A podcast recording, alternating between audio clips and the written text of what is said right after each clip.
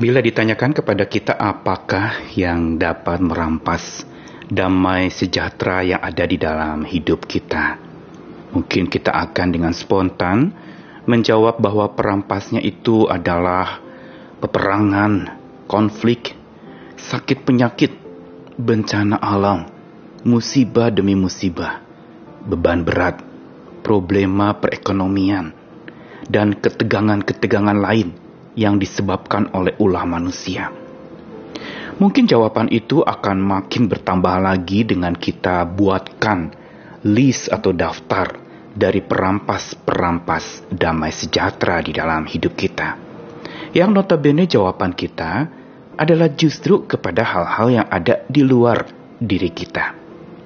Namun sesungguhnya bila melihat dari sudut pandang keimanan atau kepercayaan kita kepada Tuhan, maka sebenarnya perampas damai sejahtera, damai abadi yang ada di dalam hidup kita sesungguhnya bukan faktor eksternal atau apa yang terjadi di sekitar dan sekeliling kita, tetapi justru apa yang ada di dalam pikiran kita, di dalam hidup kita.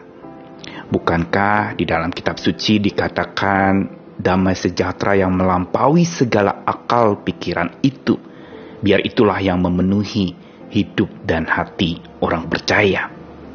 Berarti bahwa bicara damai sejahtera sesungguhnya bicara sesuatu yang ada di dalam kepala kita. Bukan sesuatu yang ada di sekeliling hidup kita.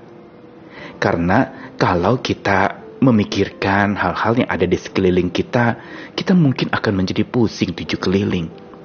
Tetapi, kalau kita memikirkan perkara-perkara yang ada di atas, maka sesungguhnya kita akan terbebaskan karena perampas damai sejahtera kita adanya di dalam kepala kita. Saya Nikolas Kurniawan kembali menemani di dalam Sabda Tuhan hari ini dari dua ayat di dalam kitab Kolose Surat Paulus kepada jemaat di Kolose pasal 3 ayat 1 sampai 2. Karena itu kalau kamu dibangkitkan bersama dengan Kristus, carilah perkara yang di atas, di mana Kristus ada, duduk di sebelah kanan Allah. Pikirkanlah perkara yang di atas, bukan yang di bumi.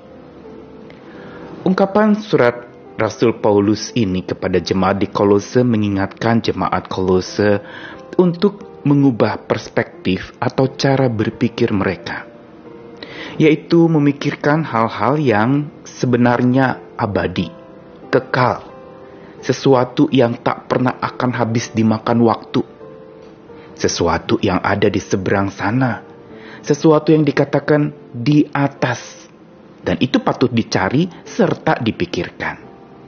Kenapa demikian Paulus katakan kepada jemaat di Kolose? Karena bicara perkara yang di atas itu adalah sesuatu yang kekal, yang abadi. Dikatakan di situ Kristus ada duduk di sebelah kanan Allah yang kekal. Dia di atas bukan di bumi ini. Dalam arti adalah bahwa dia maha tinggi dan melampaui segala apa yang ada di dunia ini yang serba sementara. Namun pertanyaannya adalah kita ini kan memang hanya hidup sementara di dunia yang serba sementara ini. Dan yang akan abadi itu adalah justru hidup kita bersama dengan Allah yang abadi itu selama-lamanya dalam kekekalan. Tapi mengapa kita lebih banyak pikirkan hal-hal yang sementara dibandingkan hal-hal yang abadi?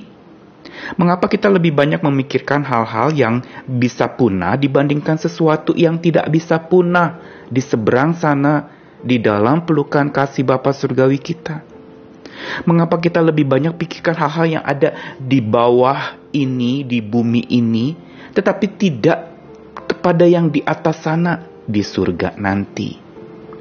Dan mengapa pula kita lebih banyak memikirkan hal-hal yang ada di sekeliling kita yang membuat pusing tujuh keliling, tapi tidak melihat kepada Dia yang ada di atas?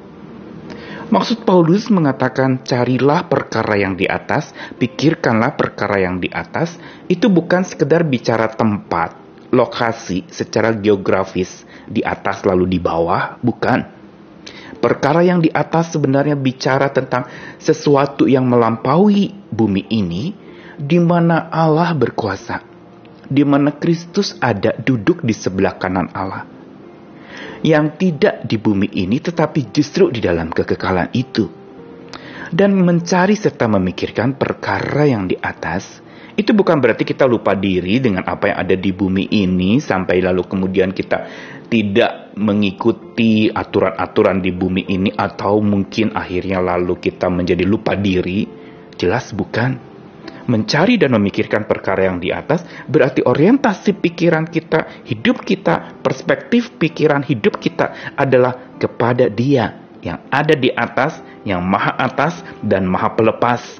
Dia mampu untuk mengatasi segala sesuatu, sehingga segala beban kita bisa terlepas.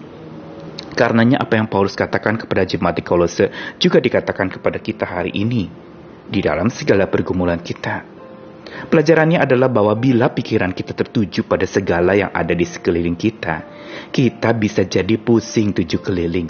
Gak akan habis-habisnya. Semua membebani, menegangkan, menakutkan, seram masa depan itu. Tapi bila pikiran kita tertuju kepada Sang Maha Pelepas yang kekal, yang bukan sementara itu, yang mampu atasi segala sesuatu itu, maka resikonya adalah hidup kita akan bebas lepas. Kita tidak ditindih dan diikat, bahkan dibelenggu oleh segala kekhawatiran kita akan hal-hal di sekeliling kita atau masa depan kita yang belum sesungguhnya kita jumpai karena memang belum terjadi di hari esok itu. Hidup akan bebas lepas bukan berarti bebas lepas dari masalah, tapi bebas lepas dari ikatan dan belenggu masalah yang menjerat kita dan merampas damai sejahtera yang ada di dalam hidup kita. Karenanya tidak salah bukan kalau dikatakan perampas damai sejahtera kita ada di dalam kepala kita. Karena pikiran kita yang dipenuhi oleh segala hal yang ada di sekeliling kita dan kita tidak mau pasrahkan, tidak mau serahkan kepada Tuhan sumber kekuatan kita. Kita mau berjuang sendiri, kita mau pakai kekuatan kita sendiri tanpa mengandalkan kekuatan yang daripada Tuhan. Dan bila pikiran kita tertuju pada Sang Maha Pelepas dan kita cari Dia, Sang Maha Pelepas itu, hidup bukan saja bebas lepas, tetapi damai abadi tidak bisa dirampas. Karena kita pegang teguh dengan iman percaya kita. Kita yakini utuh di dalam otak kita sehingga itu yang memberi kepada kita ketenangan di tengah-tengah kondisi dan ketegangan yang sedang terjadi di sekitar kita, di sekeliling kita, dan juga di hadapan kita. Mari datang kepada Tuhan Sang Kepala segala sesuatu, supaya damai sejahtera yang ada di dalam hidup kita, yang ada di kepala kita, itu tidak dirampas oleh apa pun atau siapa pun juga. Karena dilindungi oleh kasih dan damai sejahtera Allah yang melampaui akal pikiran kita yang terbatas. Selamat sandar lagi kepada dia, selamat terarah hidup kepada dia, berkiblatkan dia, kasihnya selalu menyelubungi kita, memberikan kepada kita sebuah ketenangan, memampukan kita menghadapi segala persoalan, untuk supaya bersama dengan dia kita bisa menang. Sang Maha Atas itu akan mampu mengatasi segala persoalan, dan bersama dengan dia kita pun dimampukan untuk mengatasi persoalan kita. Tuhan mengasihi kita, Tuhan tidak pernah meninggalkan kita sekalipun. Amin.